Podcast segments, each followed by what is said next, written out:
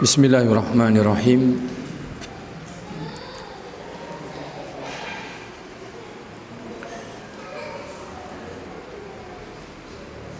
Innal hamdalillah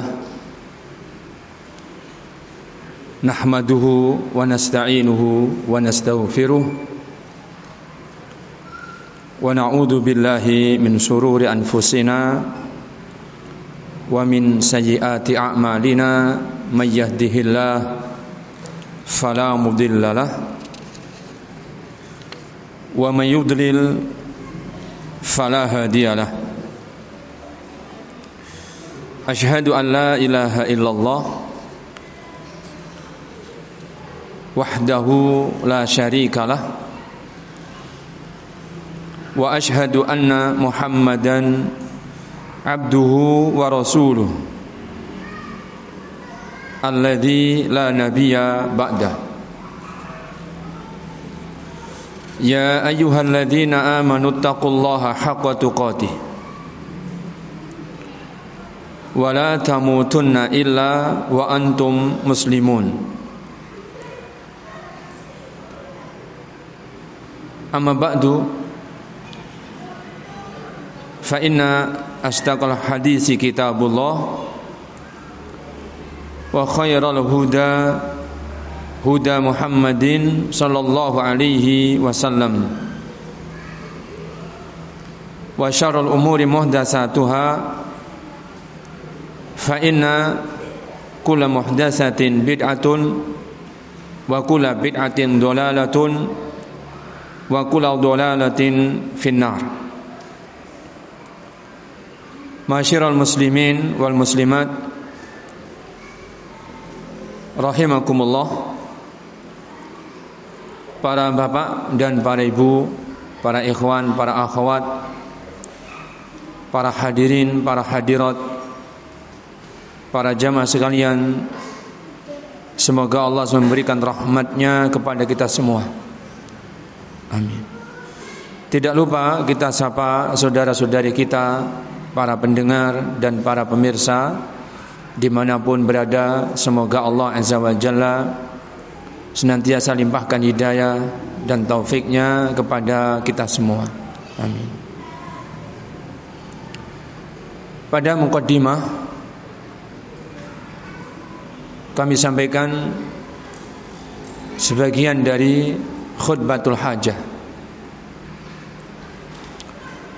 yang mana khutbatul hajah ini juga disebut dengan khutbatun nikah. Al-Imam Al-Muhaddis Al-Syekh Muhammad Nasruddin Albani rahimahullah taala membuat risalah khusus membahas masalah khutbatul hajah ini. Sehingga disampaikan dalam penjelasan yang beliau sebutkan bahwa inilah khutbah atau muqaddimah yang biasa dibaca oleh Nabi sallallahu alaihi wasallam di dalam khutbah-khutbah beliau dan juga biasa dibaca oleh Nabi sallallahu alaihi wasallam di dalam mengawali hajat-hajat Makanya disebut dengan khutbatul hajah. Saya ingat ulama ahli hadis yang ada di masa kita ini murid dari Imam ahli hadis yaitu muridnya Al-Imam Al-Albani rahimahullah taala yaitu Syekhuna Al-Syekh Ali Hasan Al-Halabi rahimahullah taala rahmatan wasi'ah yang baru saja Allah SWT wafatkan pada hari Ahad yang lalu. Semoga Allah limpahkan kepada beliau rahmatnya yang luas.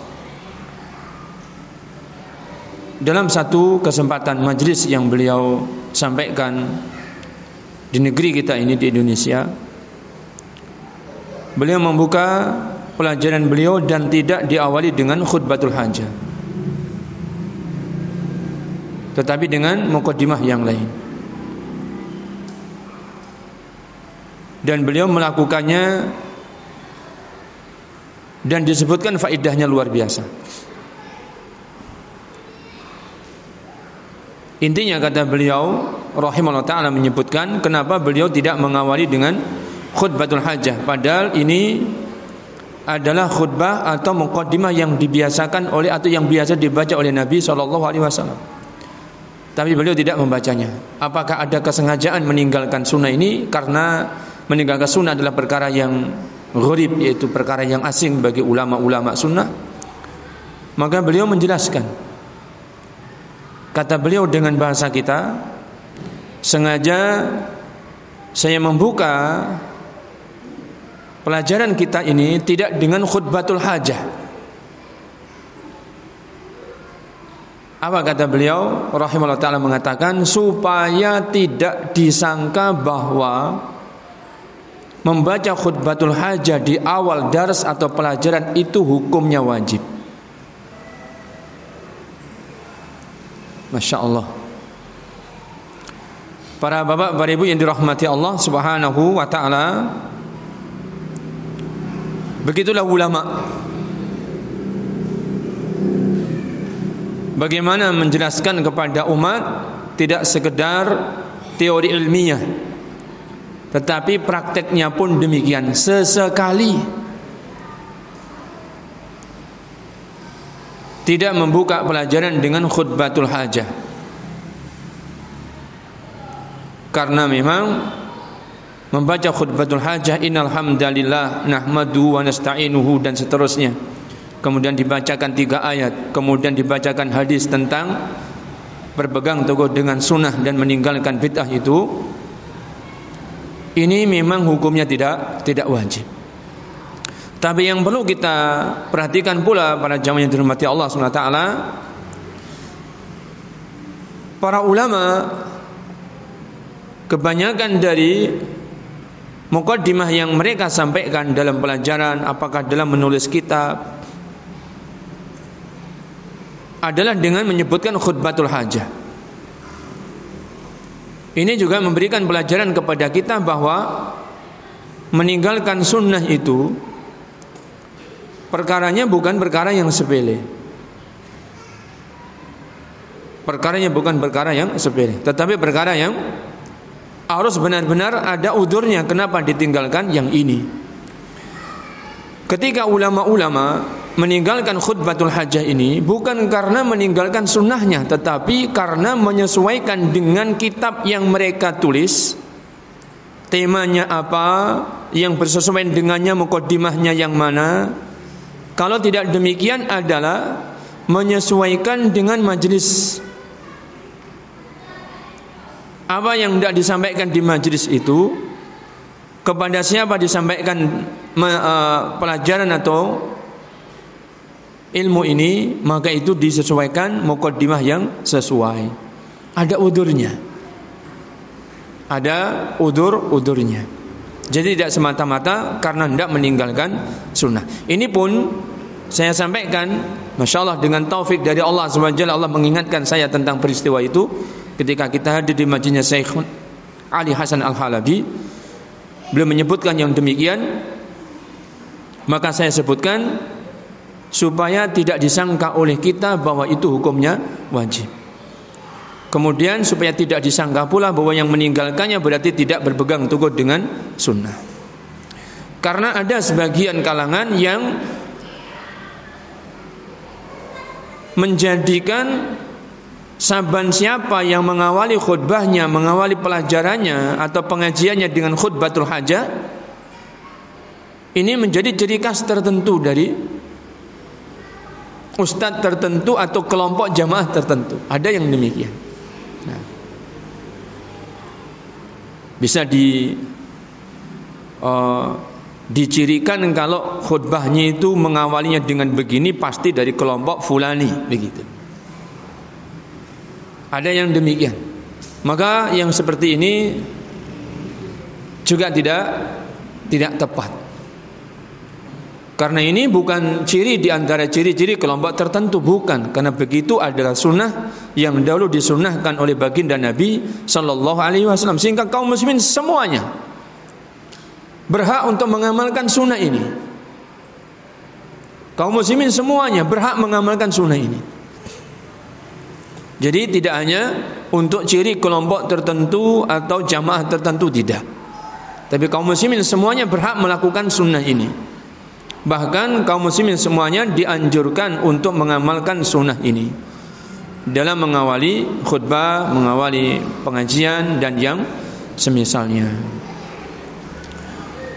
Karena ada yang seperti itu pemahamannya sehingga akhirnya kenapa mereka tidak mau menggunakan mukaddimah ini? Sehingga mereka akan meninggalkan sunnah ini akhirnya. Kenapa mereka itu meninggalkan sunnah ini? Bukan karena udur tetapi karena tadi itu karena ini cirinya kelompok fulani, kelompok tertentu sehingga mereka meninggalkan sunnah ini. Maka ini tidak udur yang demikian ini. Tidak boleh yang seperti ini udurnya. Karena supaya tidak seperti kelompok fulani tertentu maka dia meninggalkan sunnah ini. Padahal ini benar-benar sunnahnya Nabi Shallallahu Alaihi Demikian.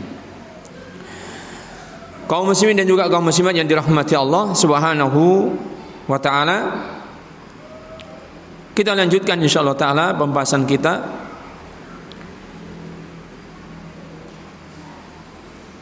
membaca kitab al-hasad dan kita sampai pada pembahasan al-farqu bainal aini wal hasad yang belum usai. Pada halaman nomor 11 dari buku kecil yang ada di depan kita disebutkan oleh penulis kitab ini Syekh Abdurrahman bin Abdullah bin Abdurrahman Al-Jibrin menyebut tentang ain adalah an-nadharu ila syai'i ala wajhil ala wajhil ijabi wal idrari bihi. Wa innama ta'siruha biwasitatin nafsi ay an-nafasi al-khabisati. Kemudian ain kata beliau kita ulang sedikit adalah pandangan mata tertuju pada sesuatu ala wajil ijab yang itu dirangkai dalam bentuk ijab. Ada ketakjuban, ada ketercengangan pada sesuatu, maka dipandanginya. Yang dimaksudkan tidak sekedar memandanginya kemudian takjub padanya tercengang padanya tapi wal idrari bihi ada niat untuk membahayakan apa yang dilihat oleh matanya tersebut. Maka pengaruh yang terjadi pada sesuatu yang dilihat itu namanya ain. Kenapa kok ada pengaruh padahal sekedar dilihat oleh pandangan mata? Dari mana pengaruh itu bisa terjadi? Di sini disebutkan wa innama ta'thiruha biwasitatin nafsi al khabisati. Pengaruhnya ain itu kok bisa terjadi biwasitati an-nafsi al-khabisati dari adanya nafsu yang jahat ini. Pengaruhnya itu adanya nafsu yang jahat. Para bapak, para ibu yang dirahmati Allah Subhanahu wa taala. Ada jasad, ada ruh. Ada raga, ada jiwa. Manusia ini terdiri dari dua itu. Ada raganya, ada jiwanya. Ada jasadnya, ada ada rohnya. Dan an-nafas adalah jiwa. Yang adanya an-nafas ini hal yang real tidak bisa didustakan. Karena jasad ini kalau ditinggalkan oleh jiwanya maka jasad ini membujur mati namanya. Tapi jiwa tanpa jasad pun tidak akan dikatakan hidup. Nah, bagaimana pengaruhnya jiwa terhadap jasad? Padahal jiwa ini tidak kasat. Jiwa ini apabila misalnya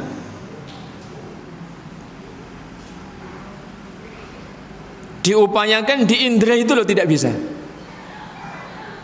Kalau bisa di indera berarti bisa dipegang misalnya, tidak bisa. Bisa dilihat misalnya, tidak bisa pula. Bisa dicium misalnya, baunya macam apa? Tidak bisa. Dijilat rasanya macam apa? Tidak, tidak bisa. Tapi adanya jiwa ini hal yang nyata. Dan kita tidak bisa lagi untuk mengungkapkan bagaimana untuk pengaruhnya jiwa terhadap jasad ini kayak apa? Kok bisa mempengaruhi raga ini gimana sebenarnya ceritanya? Subhanallah, luar biasa. Padahal kita sendiri yang punya. Di dalam diri kita ini ada jasad, ada ada ruh. Ada jiwa, ada raga. Para bapak, para ibu yang dirahmati Allah SWT Al-Imam Syekhul Islam Yang kedua di masa kita ini setelah Al-Imam Syekhul Islam Abdul Aziz bin Abdullah bin Bas Rahimahullah Ta'ala Yaitu Al-Imam Al-Faqih Al-Alamah Al-Syekh Muhammad Ibn Sulih Al-Uthaymin Rahimahullah Ta'ala uh, Menyebutkan permisalan apabila kita ingin tahu tentang pengaruhnya jiwa terhadap raga roh terhadap jasad adalah keadaan orang yang mati yang sebenarnya dengan keadaan orang yang mati yang tidak sebenarnya Allah SWT menjadikan orang itu mati tidak sebenarnya dalam keadaan mereka apa? Tidur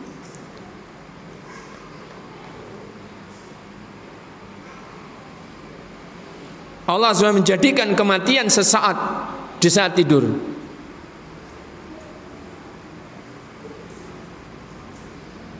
Orang tidur itu nyata apa tidak ya? Nyata apa tidak orang tidur itu? Nah, buktinya apa? Hah? antum kalau tidur ngorok sadar tahu antum? Nah, tidak tahu kita. Nah, padahal dia yang punya jasad. Kok dia tidak bisa merasakan apa terjadi pada jasadnya? Padahal dia yang punya jasad. Karena dibuat dipisahkan dengan ruh sesaat. Allah SWT menjadikan yang mati itu ya sudah mati tetapi wala dalam tamut fi manamiha.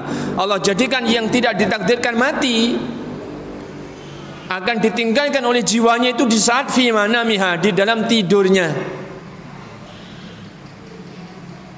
Ketika jasad ini sudah tidur apa yang terjadi pada jasad itu jasad itu sendiri tidak merasakan, tidak menyadarinya. Tapi pengaruhnya benar-benar terjadi apa yang terjadi pada ruhnya. Yaitu pada apa? Mimpi. Mimpi ini kehidupan ruh. Kalau mimpi karena mau tidur enggak doa, itu, nah dikejar-kejar orang gila. Nah, lari ke mana pun ketemu, Sembunyi di mana pun ketahuan. Nah, perasaannya bisa terbang, mau terbang masih bisa diraih saja sama orang gila itu. Pernah bermimpi begitu? Saya pernah gitu. Nah, mau ke mana? Tetap saja bisa ditemukan sama si yang jahat ini. Kan itu roh jahat yang ngejar-ngejar itu. Artinya apa? Dunianya ruh dengan dunia jasad itu ter, terpisah. Kemudian ketika kembali lagi ruh itu Allah pertemukan kembali dengan jasad. Terjaga orang yang tidur ini. Nah, ada nggak pengaruhnya yang terjadi pada ruh yang dirasakan oleh jasad? Ada nggak pengaruhnya? Jawabannya ada. Orang yang dia baru terbangun terjaga setelah dia itu mimpi buruk. Menggeh-menggeh. Nah, ada pengaruhnya. Pertanyaannya bagaimana yang seperti ini bisa terpengaruh pada jasad? Pada dunianya ber, berbeda.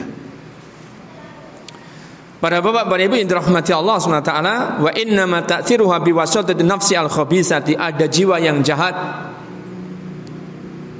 yang ternyata kalaulah kita tidak mengindra jiwa itu, tidak bisa mengindra nafsu itu, pengaruhnya pada jasad itu benar-benar ada. Dirasakan oleh jasad, dirasakan oleh raga. Maka ain itu begitu. Nafsu yang jahat yang dimiliki orang ini yang bekerja. Dia yang mempengaruhi nafsu yang jahat ini. Sebagaimana nafsu itu mempengaruhi jiwanya, mempengaruhi raganya orang yang memilikinya, dia bisa mempengaruhi yang yang lainnya.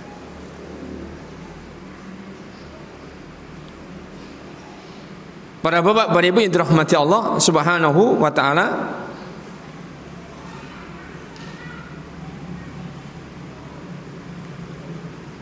Syekh Muhammad Ibn Sulaiman Zaimin rahimahullah taala memberikan pelajaran yang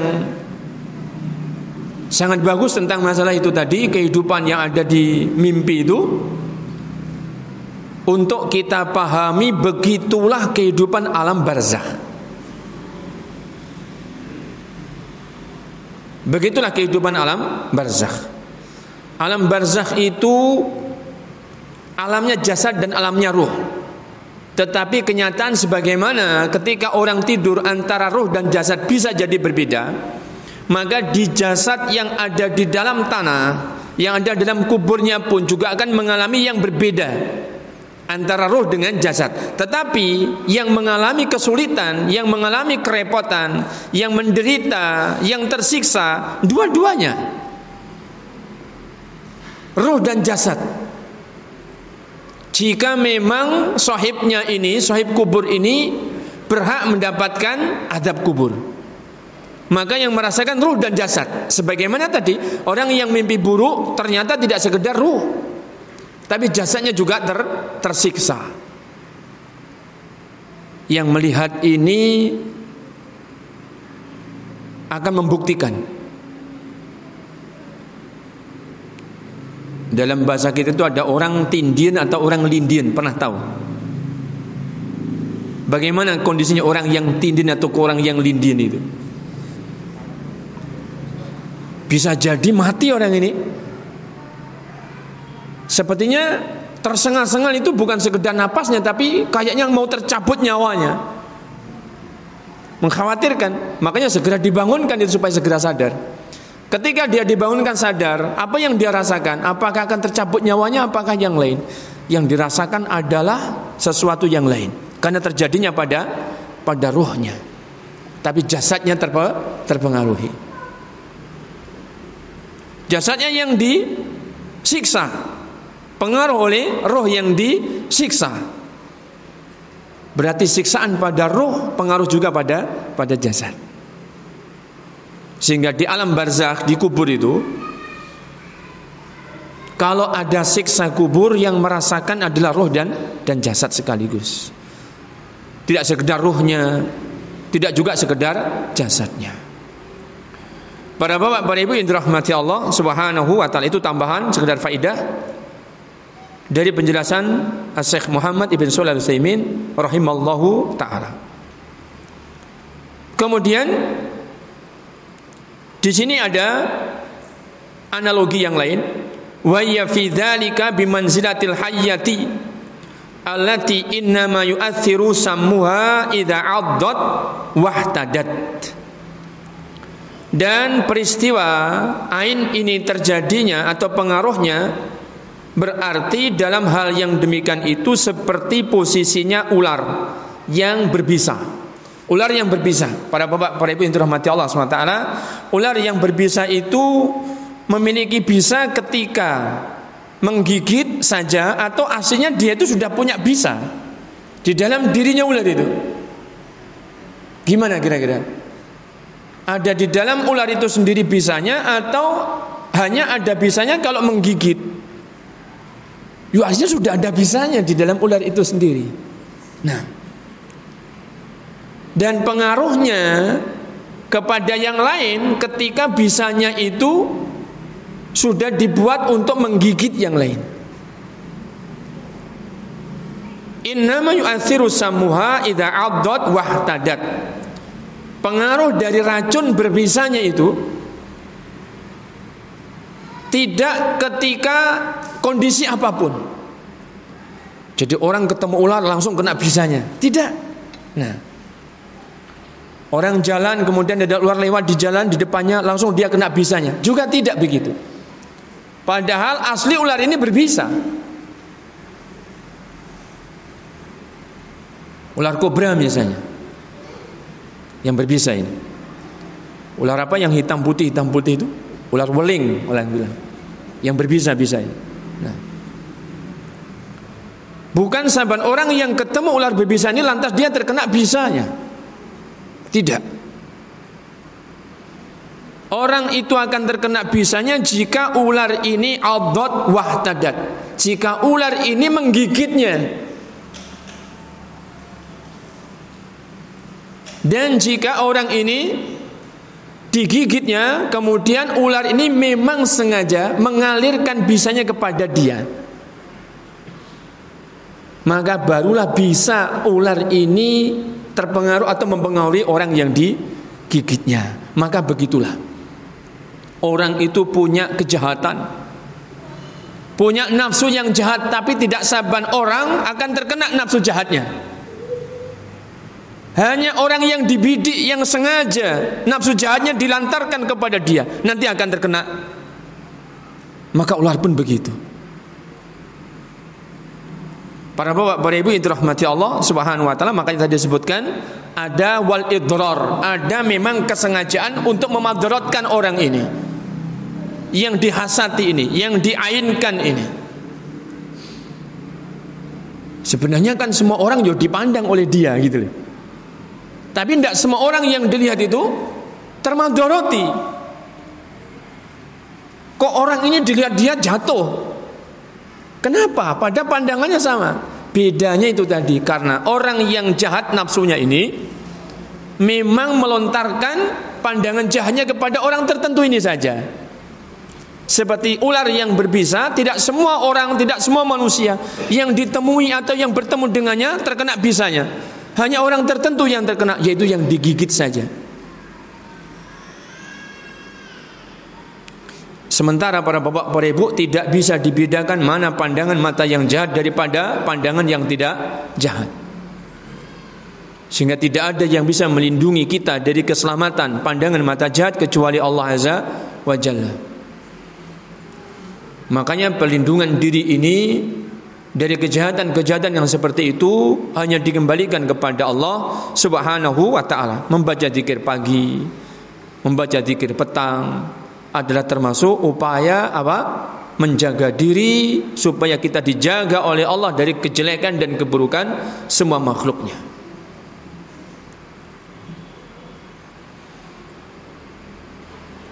Itu ain. Di sini diuraikan panjang lebar ini sekedar menjelaskan saja prosesnya seperti itu tadi. Nah, prosesnya seperti tadi. Bagaimana pengaruhnya apa? nafsu yang jahat pada sekedar nafsu tapi kok pengaruhnya benar-benar real kepada jasadnya orang. Begitu tadi ceritanya. Bukan ceritanya, penjelasannya demikian. Itu ain.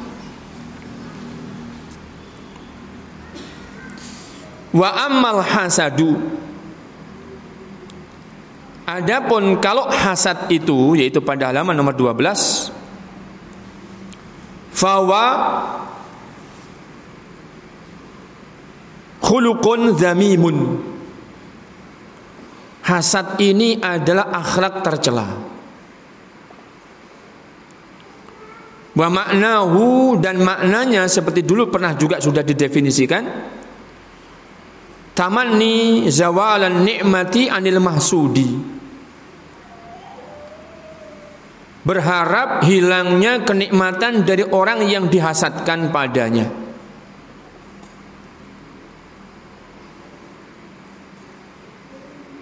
wasa'yu fi idrarihi dan ada upaya untuk membahayakan orang yang dihasadi itu hasabal imkani sesuai dengan yang mungkin diupayakan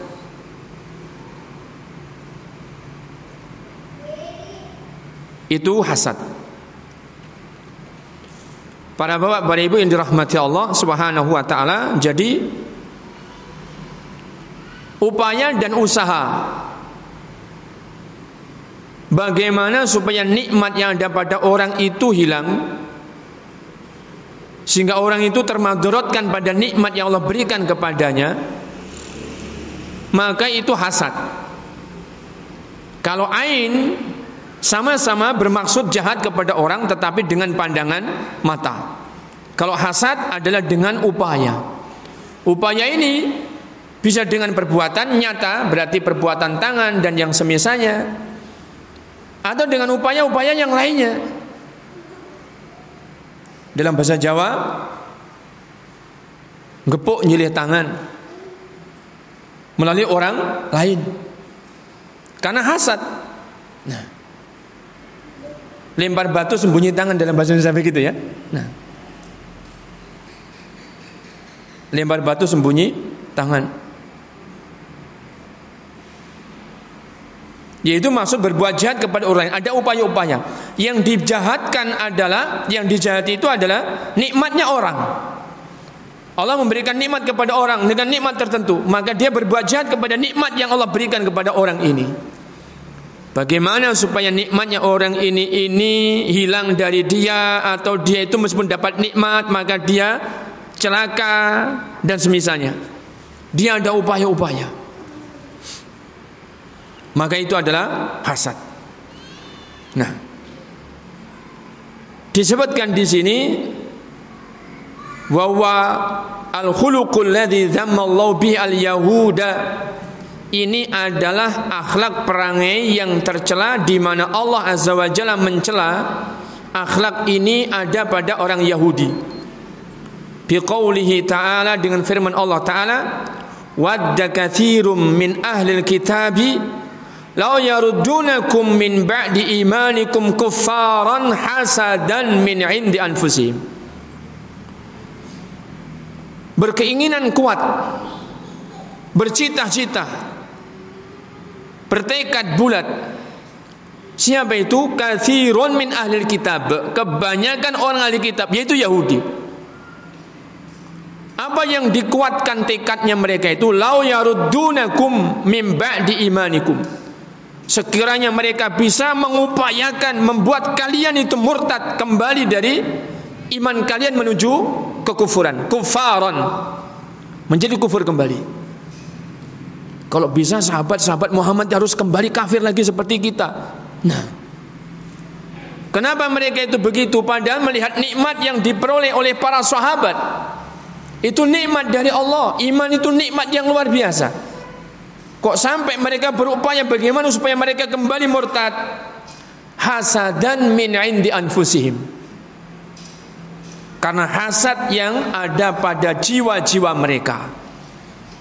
Bagaimana upaya ahli kitab itu untuk membuat kembali kufur orang-orang yang menjadi sahabatnya Nabi Shallallahu Alaihi Wasallam. Nah, itu menjadi upaya yang nyata. Mereka bersekongkol dengan kalangan orang-orang musyrik.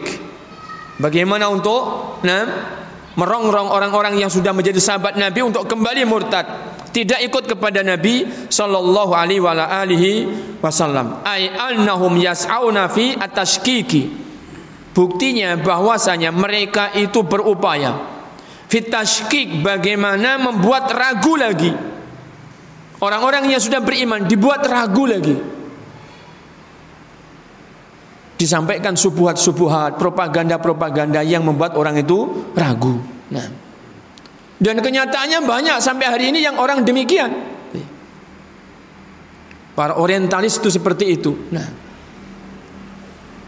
Katanya orang Islam itu selamat, tapi kenyataannya tidak selamat mereka itu. Nah, buktinya mereka terus saja. Nah, nabinya dimintai didoakan supaya selamat. Orang-orang kalau bertemu mendoakan supaya selamat. Berarti menunjukkan orang Islam tidak selamat. Ini propaganda namanya. Subuhat membuat orang ragu. Kalau awam termakan begini, yo, oh iya ya. Nah, Assalamualaikum kan semoga anda selamat. Berarti kita ini nggak selamat. Nah. Tashkik. menanamkan keraguan-raguan perkara yang sudah pastinya sudah paten benar. Dibuat ragu lagi supaya apa? Meninggalkan agamanya. Ini sifatnya karakternya Yahudi. Karakternya Yahudi yang seperti ini. Nah. Hasadan min indi anfusihim. Fitashkik wa iqa'i raib dan menjatuhkan mereka dalam kegamangan atau keraguan supaya mereka tidak lagi yakin supaya ragu-ragu dengan agamanya. Wa ilqai syubuhat. Mereka sampaikan berbagai macam syubhat. Hatta yahsulu ala ma yuridunahu. Sehingga mereka mendapatkan apa yang mereka inginkan. Apa itu? Min soddil muslimin anil Islam. Yaitu menginginkan supaya orang-orang Islam ini mereka terbendung jalannya menuju Islam tetapi mereka apa? Kembali meninggalkan agama Islam. Itu yang mereka inginkan. Para bapak, para ibu yang dirahmati Allah Subhanahu wa taala. Dan itu adalah akhlak yang yang tercela. Yaitu merusak nikmat yang telah didapatkan oleh orang lain. Mengharapkan kerusakan nikmat yang Allah berikan kepada orang lain. Dengan upaya, dengan lisannya, dengan upaya, dengan perbuatannya itu adalah hasad. Apabila dipahami dua makna dari ain dan dari hasad, maka tidak semua hasad itu adalah ain, tapi setiap ain adalah hasad. Karena ain adalah lahir dari orang-orang yang hatinya hasad. Tentang bedanya seperti tadi, kalau ain itu adalah pengaruh nafsu yang jahat, sehingga meskipun tidak orang itu disentuh, tapi terpengaruh. Beda dengan hasad. Pengaruhnya akan benar-benar dengan perbuatan ya, atau dengan ucapan lisan sehingga orang termadoroti. Mungkin dirusak ininya, dirusak itunya dan sebagainya. Bahkan Nah, kita lihat dahulu orang-orang Yahudi dan sebagainya bersekongkol dengan orang-orang musyrik memerangi kaum muslimin dalam rangka mengupayakan supaya kaum muslimin kembali kepada keku kekufuran. Pada bapak para ibu yang dirahmati Allah SWT Semoga ini mencukupkan Atau mencukupi untuk penjelasan beda antara Ain dengan hasad. InsyaAllah ta'ala kita akan lanjutkan materi kita Di pertemuan yang akan datang Oleh karena waktu sudah masuk Waktu sholat isya. Wallahu ta'ala a'la wa a'lam. Wa salawatullah wa salam ala nabiyyina Wa habibina Muhammadin Wa ala alihi wa sahbihi wa sallam